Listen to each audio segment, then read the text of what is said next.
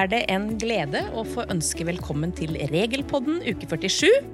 I dag med Monica, Sven Ivar, Ivar og jeg er Vanja. I dag har vi jo en rekke spennende temaer på agendaen. Eh, Ivar, du skal jo snakke litt om julegaver til ansatte. Ja. Det gleder jeg meg til å høre litt om. Ja.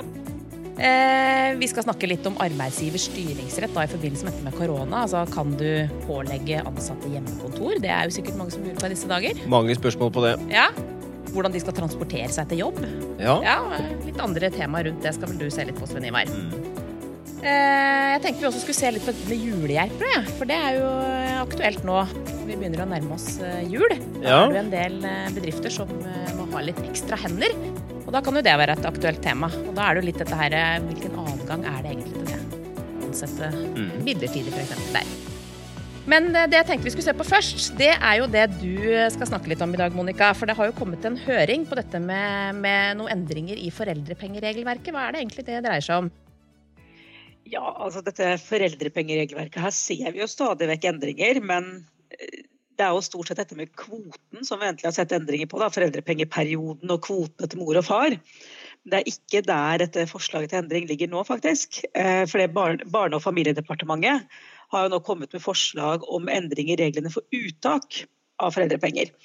Og Hovedformålet med de forslagene de kommer med, det er rett og slett å gi foreldrene en større fleksibilitet og større mulighet til selv å velge når man vil ta ut foreldrepengene. Og I tillegg så vil disse forslagene de har kommet med om endringer, da, de vil gjøre at ordningen vil bli enklere både for foreldrene og også lettere å administrere for Nav når det gjelder dette uttaket. Fordi i dag så er jo reglene slik at foreldrepengene må tas ut sammenhengende fra det tidspunkt som uttaket starter. Og Det betyr jo egentlig at én av foreldrene må være stønadsmottaker på ethvert tidspunkt for å unngå å tape foreldrepengerettigheter. Og så er det jo da et unntak eh, som gjelder hvis vilkårene for utsettelse er oppfylt. Og Det er jo her på en måte, denne endringen kommer inn, da, hvor man i høringsnotatet ønsker å gi foreldre rett og slett fri adgang til å utsette foreldrepengeuttaket frem til barnet fyller tre år. Eh, Så endringen ligger her. Det er jo ganske fleksibelt per i dag òg, dette her, men eh, det blir kanskje enda mer nå? Ja, altså dagens vilkår for utsettelse, for det er jo mulighet til å utsette også i dag. Ja. Eh, mens dagens vilkår da, det oppfattes av en del som ikke er tilstrekkelig tilpassa rett og slett til familiens behov. Og man har jo sett dette her at noen har også litt vanskelig for å forstå disse reglene. Fordi uttaket i dag kan jo, som jeg sier, hovedregelen er jo at det løper sammenhengende. Men så har man noen muligheter til å utsette i henhold til folketrygdloven § 14-11. Men da er på en måte utsittelsen ligger enten ved heltidsarbeid, ved lovbestemt eh, ferie, eh, ved sykdom hos stønadsmottakeren som gjør at man er helt avhengig av hjelp til å ta seg av barnet, eller at barnet er innlagt til helseinstitusjon. Så man ser jo at det er en rekke eksempler hvor man ikke fanges opp da, av denne muligheten til å utsette foreldrepengeperioden, f.eks. ved deltidsarbeid. Eh, hvis man er arbeidsledig, hvis man mottar arbeidsavklaringspenger. Det kan være at man har, er på deltakelse i arbeidsmarkedstiltak. Eh, avtalefesta ferie, ikke minst, for i dag er det jo kun lovfestede ferien som gir rett til utsettelse. Men det er jo mange som har også rett på avtalefesta ferie i dag. Og da åpner man jo også her. Fordi eh, dersom denne regelen om at stønadsperioden løper sammenhengende fjernes, så innebærer jo det at foreldrene selv vil få muligheten til å velge når de vil ta ut foreldrepengene. Eh, Og Da trenger man ikke lenger dette, disse reglene om når og på hvilke grunnlag dette foreldrepengeuttaket skal utsettes, og hvilke vilkår da, som stilles for utsettelse. Så det, det åpner for en mye større fleksibilitet for foreldrene ved at man fjerner dette kravet om, eh, om sammenhengende uttak. Og så har det også vært noen eh, En del av forslaget dette med beregning av foreldrepenger er jo også noe som tas opp. Eh, Når eh, skal man starte denne beregningen av foreldrepenger? Og her har de jo kommet med to ulike forslag da, hvor de ønsker egentlig noe svar eh, fra høringsinstansene. Hva, hva tenker man er den, er den beste løsningen på når foreldrepengene skal beregnes? Eh, Så det blir jo spennende å se svarene her da, på hva man tenker er den, er den beste løsningen på dette her. Eh, Og de to forslagene de har da, rett og slett på dette skjæringstidspunktet for både retten til og beregning av foreldrepenger, det ene er jo et forslag at man skal videreføre dagens regler. altså Det er jo stort sett far på en måte som, som vil være den som blir påvirket av dette. Eh, at han må da få vurdert retten til foreldrepenger og størrelsen når hans del da, av stønadsperioden starter, selv om han utsetter. Eh, eller så er det andre eksempler på en måte at man endrer skjæringstidspunktet til rett og slett tidspunktet for første uttak. Så vi får se hvem av de to det lander på. Men det er ikke første gangen de foreslår dette her. Det, det, her var jo også oppe som et forslag med en rekke endringer i regelverket i 2013. Men eh, så ble det lagt til side fordi de ønsket å, å undersøke litt nærmere. Da, så kommer det da, dette nye forslaget nå. Mm. Men sånn oppsummert, det du sier er liksom at nå fjerner man vilkårene for å kunne utsette uttaket. Det er det ene. Skal ikke lenger ha disse vilkårene der. Og det andre, men jeg tenker sånn der, det er jo en grense i dag på dette at du må ta uttaket ditt innenfor tre år. Det vil fortsatt gjelde? Ja, denne tidsrammen på tre år den vil fortsatt eh, være like aktuell. altså Den ønsker de ikke å endre på, så man må ta det ut innen, innen tre år. Men man ønsker altså å fjerne dette kravet om sammenhengende uttak, slik at foreldrene eh, selv da står friere i å velge når ønsker vi å ta ut foreldrepengene eh, som vi har opptjent oss rett til. Eh, og da trenger man jo ikke lenger disse krav til utsettelse og vilkårene for når man kan utsette. For da har man jo tatt bort dette kravet til sammenhengende uttak. Mm. Da gjenstår det å se da, om det blir noe av dette her. Ja, det er jo spennende. Eh, men det skjer jo andre ting også. Eh, Ivar, det er jo noen endringer i forhold til utelegestrekk fra, fra femte termin. Men hvordan går dette? Går dette smertefritt, eller? Eh, hva skal vi si da? Nei, det gjør ikke det. Nå er det sånn at utleggstrekk, da snakker vi om skatt, altså. Utleggstrekk Så etter at kemnerkontorene ble overført til skatteetaten fra 1.11., så er det jo skatteetaten som nå skal kreve inn, da. Og i den forbindelse så blir det nå sendt ut sånn preutfylte oppgaver til arbeidsgivere. Og det som har skjedd nå for femte termin, eh, for her, her er det jo noe som har blitt borte, så hva årsaken er, det veit vi ikke. Men for de som da har blitt eh, si ferdig med utleggstrekket sitt i løpet av termin fem, eh, de er ikke med på lista. Og det betyr at her eh, må jo arbeidsgiver legge de manuelt på, på de listene som har kommet inn. Altså. altså de, de som har avslutta utleggstrekket i løpet av termin fem, de må manuelt legges på lista. Så det er kanskje viktig å ha med seg. Nå har vi snakket litt om utleggstrekk før, fordi neste år så er det jo det en del av A-ordningen. Altså fra og med januar. Så det blir jo spennende å se. Det blir litt enklere.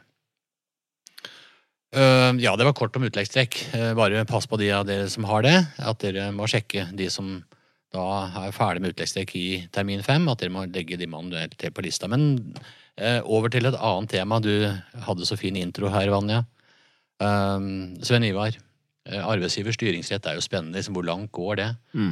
Du snakker om transport til og fra jobb og hjemmekontor og sånn, men en stor snakkes er jo munnbind. da det er det. Mm. Og tenkte jeg, kan, kan, eh, kan Visma forlange at jeg liksom går rundt med munnbind? Vil du ha et kort eller langt svar på dette? ja, du, Jeg kan ta sånn mellomlangt, jeg, tenker jeg. Ja, da sier vi eh, ja.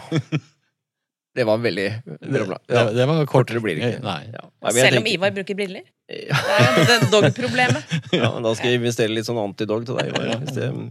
Men det er nok sånn altså, ut at, at dette ligger under arbeidsgivers styringsrett å bestemme. Eh, og så lenge man da på en måte baserer seg på en praksis etter nasjonale såkalt helse- og smitteråd og følger de, så vil arbeidsgiver kunne beslutte det. Når det gjelder bruk av munnbind, også i en arbeidssituasjon, tenker jeg. Det vil være saklig. Eh, og det blir sikkert også bare mer vanlig fremover, når vi ser på, på måte, smittesituasjonen sånn som den er i dag. Eh, og det at en arbeidstaker da på en måte kanskje nekter å følge de instrukser og rutiner en arbeidsgiver har, vil jo nok en gang kanskje òg kunne medføre type av sånne arbeidsrettslige virkemidler for ansatte som ikke følger de rutinene som det ellers er i en arbeidssituasjon. Type advarsel og kanskje worst case, eh, i verste fall etter, etter en periode også bruk av oppsigelse i sånne settinger. Det er alvorlig nok. Og... Håper det ikke går så langt som det vi leste på nyhetene i går. da. En som skulle inn i en butikk hvor det da sto på skilt at her er det påbudt med bruk av munnbind. Ja. Og der går typen da inn uten munnbind. Han blir båret ut igjen. Så en av kundene som var der, var en gammel politimann. Så eh, da hadde vi både caps og, og, og briller fyke rundt omkring, hørte jeg. Ja. Så det, jeg vil jo håpe da at en arbeidsgiver liksom ikke går til det skrittet at de må bære ut ansatte. Nei, vi får ikke tro det. Jeg tror de aller, aller fleste er med på den dugnaden det innebærer, og skjønner alvoret i den Ja. situasjonen. Så, så sånn er det, rett og slett. Eh, ellers så har vi jo Arbeidsgiver bør være ganske tydelig her, da. Bør man ikke det? Hvis det er slik at man skal innføre den type tiltak, så bør det være noe man kommuniserer ganske tydelig ut til de ansatte. Ja, det er jeg helt enig i, og det er tydelighet er bra. Mm. Og definitivt i disse settingene her, at man på en måte lager rutiner, kanskje i samarbeid med ansatte tillitsvalgte, og informerer de ansatte veldig godt rundt hvilke rutiner dette er, og hva det innebærer. Det er en arbeidsgiverjobb, tenker jeg, for sånne ordninger. Så det er viktig. Helt enig. Men eh, nå har vi de fleste vært på hjemmekontor. eh, Noen har vært helt siden det ble stengt ned i mars. Ja. eh, Og begynner å bli lei å sitte hjemme. Og vi hører jo at uh, skilsmisseraten fyker i været av hjemmekontor. Ja. Uh, Og da er vi nok en gang tilbake igjen til Kan, kan arbeidsgiver si at Ivar, nå har vi stengt kontoret, du må faktisk sitte hjemme og jobbe? ja. Det var kort svar, det òg. si. Ja. Uh, altså Utgangspunktet her er nok også det samme, at det ligger under arbeidsgivers styringsrett å beslutte hjemmekontorordninger for de bedrifter hvor det er et tema, da. Eh, hvor man har arbeidsoppgaver som kan utføres hjemme. Og det er selvsagt noe man i utgangspunktet også bør lage ordninger på sammen med de ansatte og de tillitsvalgte. eh, Og finne gode løsninger på de utfordringene man har rundt det. Men arbeidsgiver sånn rent juridisk sett kan eh, beslutte type hjemmekontor, og den ansatte må da forholde seg til det. Selv om du opplever at det kanskje er litt utfordringer med å jobbe hjemmefra. Det kan jo være mange grunner til at du Mm. syns det kan være litt vanskelig, og, og så er det likevel sånn at eh, arbeidsgiver har den muligheten til å beslutte det. Så Det er nok eh, på en måte den store store hovedregelen i dette her.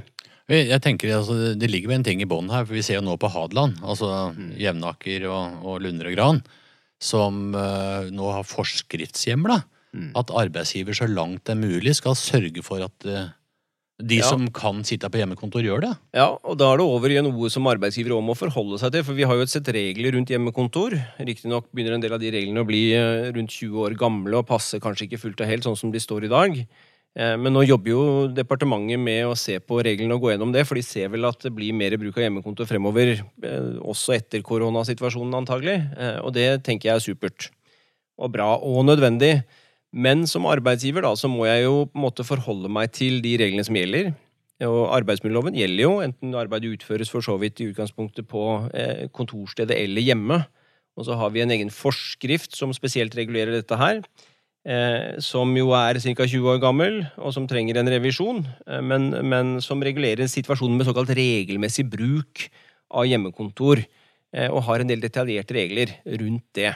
Den er nok under revisjon, tenker jeg. Men den står nå der, og så diskuterer man hva regelmessig bruk er. Om det kan brukes som den gjelder i en koronasituasjon eller ikke, men det skal jeg ikke gå inn i. Men internkontrollforskriften jo, gjelder jo her. Denne forskriften vi har om organisering, ledelse og medvirkning vil være aktuell i forhold til hjemmekontorsituasjonen, så det er en rekke regler. Men i tillegg så kommer jo det du nevner, eh, hvor du kommunalt eh, har kommunale ordninger. da. Sånn som Oslo kommune, som nå i månedsskiftet oktober-november jo ikke sant, kom med et påbud til alle, også virksomheter som driver i, i eh, Oslo kommune, da, om at de eh, må innføre hjemmekontorordninger så langt det er praktisk mulig. Og Der kan man jo ha litt forskjellige typer ordninger og regler rundt det. Eh, Men det er noe jeg som arbeidsgiver, da, som i ditt eksempel, Ivar, som holder til her på har kontor på Hadeland f.eks., må eh, inn og finne ut av de reglene og forholde meg til det så godt jeg kan. Så det er mange regler å, å holde orden på rundt hjemmekontorbiten i og for seg, når man først innfører det. Eh, Jeg tenkte du skulle ta med en ting til òg. Du var jo inne på det eh, på starten her, Vanja. Nå har vi snakket om hjemmekontor. Det er jo ikke alle som kan ha hjemmekontor. Rundt 50% hvis jeg ikke husker feil. Eh, Så noen må jo da faktisk reise på jobb. Mm. Eh, Og da er vi også inne på et spennende tema til her, fordi eh, det er jo sagt at vi skal unngå kollektivtransport, da. Ja. og da kan jeg stille spørsmålet en gang til. da, ja. Kan jeg med kanskje få et kort svar nå. Kan arbeidsgiver pålegge meg å bruke egen bil? Altså, kan, heller, eh, kan, kan arbeidsgiver legge ned forbud mot å bruke kollektivtransport til og fra jobb? Nei, tenker jeg, som et utgangspunkt og hovedregel. Eh, Fordi nå når du reiser hjemmefra til jobb, et fast kontorsted, så er det jo egentlig på din egen fritid. Mm. Eh, og der eh, er det begrensa hva en arbeidsgiver på en måte kan beslutte i forhold til hvordan du bruker din fritid, herunder hvordan du kommer deg til og fra jobb. Så det, det, en, ene, det en arbeidsgiver kan gjøre, da, hvor vi vet at smittesituasjonen på en måte er Sjansen er stor når man bruker den type kollektive transportmidler, det er jo å oppfordre de ansatte til å finne andre løsninger. Og så stoppe på en måte jussen der. Så du får på en måte ikke gjort noe med det lenger enn å si at vi Flott hvis dere finner andre måter å komme dere til og fra arbeid på. Ehm, eh, så du kan ikke pålegge i den sammenheng, tenker jeg.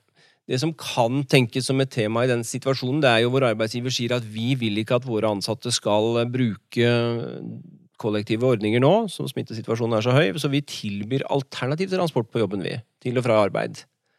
Og har man da det, så tenker jeg da kan man begynne å diskutere kanskje at arbeidstakeren også må forholde seg til det, og kanskje benytte seg av den ordningen. Det kan være et tema. Vi setter jo buss fra Hadeland til Oslo. Så ja. den skal du kjøre. Ikke sant? Det kan være en issue. Mm. Eh, men ellers er utgangspunktet at nei, dette kan vi ikke gjøre annet enn å oppfordre de ansatte til. Vi setter jo dette her litt nå på spissen, ja. uh, og vi, vi, regner vel med at i de fleste tilfeller så uh, lytter man på hva myndigheter og derved også arbeidsgiver sier. Ja. At lojaliteten er rimelig høy, tenker jeg. Så Absolutt. Så det er litt satt på spissen, det vi gjør nå. Men uh, noen tilfeller kanskje er det aktuelt. Ja. ja. Og Arbeids- og sosialdepartementet har vel også uttalt at de har satt i gang et arbeid med å se nærmere nettopp dette regelverket som er knytta til, til, hjemmearbeid, da, og eventuelt behov for endringer eller presiseringer. fordi det regelverket er vel ikke akkurat tilpassa den situasjonen som, um, som vi ser i dag. Så det er vel noe behov for å gå litt nærmere gjennom regelverket òg. Ja, det er helt riktig, og det har de gjort sammen med partene i arbeidslivet. De starta vel med dette her, tror jeg, første møte 29.8 i år, eh, og har det som et eh, mål å gjøre noe med det, og det trengs. Eh, absolutt. Så vi får litt mer oppdaterte regler på hjemmekontobruk etter hvert. Det er supert. Men skal vi flytte oss til jul og snakke om noe hyggeligere? Det er jo noen som har mye å gjøre, da, tross av korona og, og, og så videre. Og trenger litt noen ekstra hender å jobbe på midlertidig. Ja, tenker jo at uh, julehjelper, eller ekstrahjelper om vi kaller det det, er et uh, aktuelt tema nå. Da er det jo en, flere problemstillinger som reiser seg i forbindelse med det. Det ene er jo på en måte dette her med adgangen til å ansette midlertidig. Men det er vel det er vel uproblematisk i forhold til ekstrahjelpen i, i jula, Sven Ivar? Ja, det er det tenker jeg. Ja. Det er to måter å knytte seg arbeidskraft på. Det er fast eller midlertidig. Og det er klart at du i sesong og knyttet til jul, da, så er det noe med at du ikke kan ansette julenissen hele året. Og da er, går det fint. Vi har en hjemmel i denne bestemmelsen i 14.9 eh, som gir mulighet for det, rett og slett, knyttet til sesong. Ja. Jeg tenker Den biten er Den er grei, ikke ja, sant? Ja. ja. Men de skal jo ha arbeidsavtale og sånne ting, de også, så det må jo arbeidsgivere passe på etter de vanlige reglene. Men det som dukker opp da, som spørsmål rundt den type arbeidskraft noen ganger, det er jo dette her med hva Og det kan være ekstra aktuelt nå, når vi er oppe i koronasituasjonen. Hva hvis en ekstrahjelp blir syk? Ja, hva da? Blir det noen sykepenger? Ja, det var det, er det arbeidsgiverperiode? altså Utgangspunktet er jo at uh, om du er uh, fast eller midlertidig altså det er jo, Du kan opptjene rett til sykepenger også som en midlertidig ansatt. Altså En som ikke ja. er fast tilknyttet arbeidsgiver hele året. Det er ikke noe problem, men da er det litt sånn avhengig av hva slags avtale du egentlig har inngått altså, med arbeidsgiver. Hvorvidt på en måte, Hvordan opptjeningen din ser ut, da, eller når du har opptjening. Ja. Eh, og da har vi den ene varianten, disse som får for da en midlertidig avtale, kanskje en tremånedersavtale, hvis vi tenker nå førjulstida, da. Eh, der man blir satt opp på faste vakter i denne tremånedersperioden. Eh, da vil man jo være i en situasjon der man sier at arbeidstakeren vil ha opptjening allerede etter fire uker. For det er jo det som er opptjeningskravet for retten til sykepenger. At du må ha vært i arbeid i de siste fire ukene før du blir arbeidsufør. Ja. Og da teller man jo også arbeidsfrie perioder når vi sier du har denne løpende opptjeningen. Mm. Men det fordrer altså at du har denne avtalen som gir deg da rett på faste vakter i en begrenset periode. Og da kan du gjerne være midlertidig ansatt. altså. Det ja. ikke noe å si, Du skal være der i tre måneder, men opptjeningen din vil du da få etter fire uker. Ja. Fra du ble ansatt eller var da på første, første, jobbdag, for å si det sånn. Og det gjelder både i forhold til Nav og arbeidsgiver i for deg, og retten til sykepenger? Ja, ja, ja. Det er utgangspunktet mm. der. Det er opptjeningstiden. Så den er for så vidt lik mm. eh, i forhold til arbeidsgiver og Nav. Eh, så har vi den andre varianten. Det kan jo være de som eh, også skal være ekstrahjelper før jul, men som kanskje har en litt annen type avtale, der kanskje arbeidsgiver sier at eh, jeg legger deg i en bemanningspool. Altså jeg bruker, trenger litt ekstra hender innimellom. Jeg ringer deg hvis jeg har behov. Da har man jo ikke fått noe tilsagn om noe, måte, noen faste vakter, men at man kan bli ringt etter når det, når det, er behov for det. Og arbeidsgiver vil jo heller ikke da ha noen forpliktelse til å tilby arbeid i et bestemt omfang. Det vil man jo i mye større grad i en fast avtale. ikke sant? Mm. Og I de tilfellene der er det også mulig å opptjene rett til sykepenger. Eh, men da er det denne varianten her med at eh, man, eh, man ikke, at man ikke teller med på en måte arbeidsfrie perioder. Man får opptjening, men kun de vaktene man faktisk utfører. Altså da man faktisk er på jobb. Så da vil det gjerne ta litt lengre tid. da. For da sier man Ja. på en måte at arbeidsavtalen den avsluttes ved oppdragets slutt den dagen. ikke sant? Så, ja. Og så er det et vilkår til, og det er jo at det ikke kan gå mer enn 14 dager mellom hver gang du er inne og jobber hos arbeidsgiveren. Hvis ikke så starter du på nytt igjen. Så der ser man at eh, opptjeningen kanskje kan eh, drøye litt lenger for den varianten der. Ja. Ja. Mm. Men eh, ja, det er jo litt, litt forskjellig hvordan man tilknytter seg også midlertidig arbeidskraft. ikke sant? Der har man de to variantene der. Så Men greit å vite, da, tenker jeg. Ja. Absolutt. Så det du egentlig sier her da, at det, det har ingenting å si om du er fast eller midlertidig ansatt. Det vil vi ikke ha noe påvirkning på, på sykepengerettighetene. Nei. Ingen påvirkning. Men hvordan er det med egenmelding, da? Vil disse ekstrahjelpene ha rett til det, eller disse som sesongansatte? I utgangspunktet, ja. men, eh, men der er klart at opptjeningen er litt lengre enn retten til sykepenger. Det henger jo ikke alltid sammen. Altså, du vil jo gjerne ha rett til sykepenger, kanskje fra arbeidsgiver, tidligere enn du har rett til å bruke egenmelding. Eh, For der er jo opptjeningstiden to måneder, så det er det som er utgangspunktet etter loven, i hvert fall. Men eh, her er det jo sånn at arbeidsgiver kan jo akseptere at eh, arbeidstakeren får lov til å bruke egenmelding allerede fra første dag. Så bedre ordninger, det er alltid ok. Men hvis man ønsker å forholde seg til loven, så er det altså to måneder som er utgangspunktet der. Mm. Ja. Så det er litt rettigheter på de også som ikke er fast ansatt. Det er bra. Eh, Oi, jeg må bare ha med én ting her. Eh, apropos, du sa julenissen, eller sånn sesongarbeid, da. Eh, nå er det ganske strengt å komme inn i Norge. Så når du kommer til grensa og du ikke er norsk, så blir du spurt hva skal du gjøre i Norge. Og da leste du vel her at eh, fem stykker som kom fra et herværende land i Øst-Europa, eh, ikke kom inn i Norge. Og hva var begrunnelsen? Jo, hva skulle de gjøre i Norge, fikk de spørsmål om. De skulle plukke jordbær. Og det er vel litt seint litt å plukke jordbær nå, altså. Eh, Der hadde nok ikke forberedelsene vært gode nok til, til uh, å finne en løsning å komme inn på. Nei, Da ville julenisse vært et bedre forslag. Ja, jeg tenker liksom, Da hadde jeg nok heller valgt julenissevarianten enn jordbærplukking. ja. Men du Ivar, du skal jo få lov til æren av å snakke om dagens siste tema, du. Mhm. Du, har jo, eh, du skulle snakke om dette med julegaver til ansatte. Ja. Og da er jeg jo litt nysgjerrig på er det alltid skattefritt? Nei, det er det jo ikke. Nei, vi må kanskje ha noen noe vilkår her, da. Um, husk nå på at uh, man har jo satt opp sånne gaver i arbeidsforhold og vilkår uh, både i forhold til jubileumsgaver og, og det, det vi tenker på nå som er julegaver. Uh, og da, at det er en generell ordning, altså at alle må få det. Det er liksom utgangspunktet punkt én. Mm. Det andre er at man må være en naturalytelse. Eh, Og det betyr at eh, vi har jo sett noen som vil gi de ansatte Ja, hvis vi gir nå 2000 kroner, så er vi innenfor. Og så tar vi en, eh, en overføring på lønnsslippen, så kan de hygge og kose seg. Det er vår julegave i år. Ja, det er en julegave, men den er skattepliktig. Altså kontanter, penger, det er pliktig. Så uh, enten et gavekort som ikke kan veksles i penger, eller gjenstand eller opplevelse. Det, det er liksom de to hovedvilkårene. Men den verdien den er jo, må jo fastsettes også på en naturalytelse i forhold til hva du kan gi her. Mm. Eh, Der har vi jo noen regler knytta til et ansetterregelverk i og for seg, som snakker om sånn allment tilgjengelig pris kontra rabatterte ordninger osv. Hva, hva gjelder her når det gjelder julegaver? Å, du har lest deg opp litt på personalrabatter, du nå. Ja, Ja, ja, ja, ja. Nei, altså her er jo eh, 2000 kroner som er verdigrensen. Ja. Um, som var 1000 tidligere. Eh, og så skal vi ta helt på slutten hva det blir neste år, eller hva forslaget er neste år. Eh, men verdien er 2000. Og så er spørsmålet som du sier, er hvordan skal man beregne seg fram til en verdi? Et lite eksempel. Arbeidsgiver vil kjøpe inn noe flotte sånne krystallgreier fra f.eks. Hadeland Glassverk. Uh, gjør en god deal, fordi sant, la oss si hvis man skal kjøpe inn 500 stykker, så får du veldig god pris. Mm. Um, og så koster de i utgangspunktet la oss si 3000 kroner. da. Mm. Og så sier hvis man, du, vi skal kjøpe 500 stykker, så hvis vi får det for 2000 kroner, så er vi innenfor den skattefrie grensen på 2000. da. Og da sier, uh, sier Halen Glassvekk i dette tilfellet, da. Mm. Vi kan jo bruke det siden vi er fra Jevnaker. Ja, Ja, ja. uh, at ja, det er greit. Dere får det for 2000. Mm.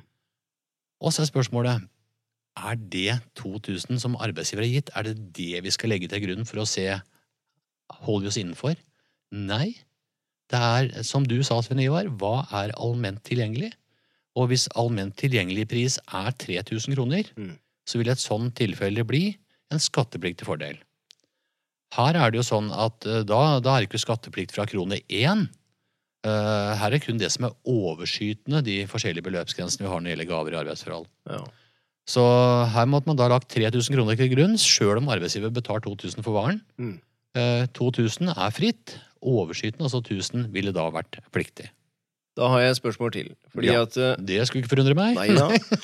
Hvis du da har en ansatt som kanskje har hatt et jubileum, og du har på en måte gitt en gave i den sammenheng etter de reglene tidligere på, i 2020, Mm. eh, og så kommer vi nå til jul, og så skal jo også denne samme ansatte få en gave til. Altså en julegave innenfor disse 2000 kronene. Går det bra? Ja. Ja. Fordi her står altså jubileumsgavene står på egne bein. Og så står si, julegave 2000-regelen står på eh, sitt eget bein. Så da kan du f.eks. ha en ansatt som har fylt 50 år, så kunne ha fått en gave til en verdi av 4000. Og så har han gifta seg i år, så kunne han fått en gave til verdi av 4000 for det. Og så kunne han nå ha fått julegave til 2000, så sant han ikke har fått andre gaver før i år. Så eh, de 2000, det er det som ikke er jubileumsgaver. Ja. Som er sånn generell gaveordning i bedriften. Hva da med en blomsterkvast oppi dette her, da? Som en Tusen sånn takk. hyggelig oppmerksomhet. Bare, hyggelig. Det hadde vært hyggelig. Ja. Ja, nei, det, altså, da er det noe som heter eh, opp, oppmerksomhetsgaver. Uh, og husk på det at i forhold til uh, jubileumsgaver, så uh, fyller år, da, så starter det først ved 50 år. Noen arbeidsgivere har jo lyst til å gi en, en liten oppmerksomhet når ansatte fyller 25 år, eller 30 eller 40, men da gjelder jo ikke de beløpsgrensene vi snakker om. Nei. Og da eh, har vi en ordning med oppmerksomhetsgaver av ubetydelig verdi, som Ja. de kaller det. Da er det blomster. Akkurat. Så blomster, eh, konfekteske, eller som de også skriver, en eh, rimelig flaske vin. Ja. Så det er lov å si bort alkohol i form av vin, da. En flaske norsk rødvin. En flaske norsk rødvin innafor. Ja, akkurat hvor beløpsgrensen går, er, eh, er litt vanskelig å si, men eh, jeg tenker som eh, vinflaske til en 150, 200, 250, 300, det er innafor. Ja. Tenker det kan være Da sier vi 300. Da sier vi 300, ja. Ja. Ja, Men du ja. eh, Monica. Hvis man hadde kjøpt en eh, veldig stor da, sånn blomsteroppsats til jul i gave, i verdi av 2000 kroner, Mm. da ville man vel ikke vært innenfor den oppmerksomhetsgaven? ja. Eh, til jul, sier du. Jeg tenker som så at eh, hvis du har en eh, Hvis alle får det, så er det jo greit. Da er du innenfor de 2000. Du har fått en, en julebukett til 2000. Eh, hvem regelverk skal vi henge oss da? Skal vi si at det er en oppmerksomhetsgave, eller skal vi legge oss innenfor de 2000? Så en blomsteroppsats til 2000 kroner. Da må du nok bruke 2000-regelen, og ikke, ikke oppmerksomhetsgaver av bagatellmessig verdi. Ja. Men jeg tenker jo at en, en som uh, fyller 40 år, og arbeidsgiver slår til med en, uh, en blomsteromsats på en 500-600-700 kroner, det er innafor. Altså, på en måte så blir jo blomster borte etter hvert, da. Mm. Uh, Så det er jo ikke noen sånn klare beløpsgrenser å gå ut fra her, så jeg tenker sånn litt sånn sunn fornuft, ja. Mm. Men eh, den oppsatsen til 2000 kroner, Monica, den kan du jo Drømme om. drømme om, ja. Men eh, da, nå tenker jeg, noen vil jo også ha julebord oppi dette her, da. Hvis vi skal se det i sammenheng. Den andre, arbeidsgiver da på en måte tilbyr et julebord pluss en julegave. Mm. Er det noen sammenheng der, eller er det to helt forskjellige ting? Det er to helt forskjellige ting. Takk. Så vi har jo snakka litt om det med julebord før, at man har nå blitt eh, ja, hva skal vi si, tilpasse eh, skattemessig regelverk i forhold til covid-19. Eh, Blant annet så kan du ha digitalt julebord. At du, man logger seg på et eller annet nettsted alle sammen, og så kan du da få brakt julemat hjem, og så kan du og din bedre halvdel sitte og spise julemat aleine, mens eh, dine kollegaer gjør det på sine plasser. Og så har man digitalt julebord, og det, det er skattefritt. Så nei, altså reglene i forhold til eh, si gaver i arbeidsforhold og si julebord, det er to forskjellige eh, paralleller, skal vi kalle for det. Så helt greit å arrangere julebord, som er et skattefritt velferdstiltak, Mm. og i tillegg ha Mm. eh, julegaveregelen, altså ved siden av. Så det slås ikke sammen. Men hvis vi da legger bak oss 2020, så tenker jeg i 2021 blir det noe mer gaver da enn det er i 2020. Har vi noen nye satser? Det kommer jo helt an på konjunkturen i det, da, vennen min. Ja, ja, ja. Så la oss si den går opp, da. Hvis den går opp. Eh, det er jo foreslått fortsatt, da. Eh, Vi regner med det kommer til å gå gjennom, men det kommer i statsbudsjettet. Eh, To viktige ting her. Og det ene er at kravet som vi starta hele greia med her, at det skal være en generell ordning, det fjernes. Det fjernes at det må være en generell ordning. Ja. Og i tillegg så øker altså beløpsgrensen fra 2000 til 5000. Mm. Så hvis du vil være en eh, litt spesiell arbeidsgiver, så kan du plukke ut eh, noen ansatte og gi en gave til en verdi av 5000 neste år, og de andre får ingenting. Mm. Og det er skattefritt. Ja, Kanskje blir det blomsterkast på deg likevel, Monica. Blir det god stemning da, Ivar? Ja, det blir sikkert god stemning. Nei, så det, det her tenker vi nok er innført i forbindelse med personalrabatten, som er 8000, Ja. Eh, og eh, transport, som nå blir gjeldende fra, fra januar. Eh, så slenger man liksom på 5000 del oppå de åtte, da er vi oppe i 13 000. Da. Så det er nok det som er bakgrunnen for at man øker, og, Mm. øker den og, og verdien, og, og fjerner kravet til generell ordning. Ja, Veldig bra. Det er rett og slett en regelpod med veldig mye bra innhold, syns jeg, altså. Enig. Jeg skal si det sjøl. ja og så er det litt artig at vi liksom alle fire er med i dag, da. Veldig hyggelig. Ja, så skal vi prøve å få til det videre òg, vi. Det kan vi gjøre. Så med det så er vi vel ved, eh, ved enden av eh, denne regelpodden. Og mm, vil jo da selvsagt få takke panelet for eh, veldig mye bra stoff. Og hvis dere ønsker å lære mer om disse temaene, så har vi jo fortsatt kurs, digitale sådanne, Lønnsforum høsten 2020. Stikk innom Visma sine kurssider, eh, visma.no slash kurs. Eh, Der finner dere eh, tilbudet på Lønnsforum, og, og kanskje fordype dere enda litt til i aktuelt regelverk og endringer for 2020-2021. Ja, og mye av det vi snakker om, sant, det ligger jo også som artikler på Visma Community. Det gjør. Under uh, Fagnytt, heter det vel. Ja. Så ta en titt inn der hvis du vil lese mer. Og med det så sier vi takk for oss. Og ønsker alle en fortsatt god dag, og vi høres igjen. Om 14 dager.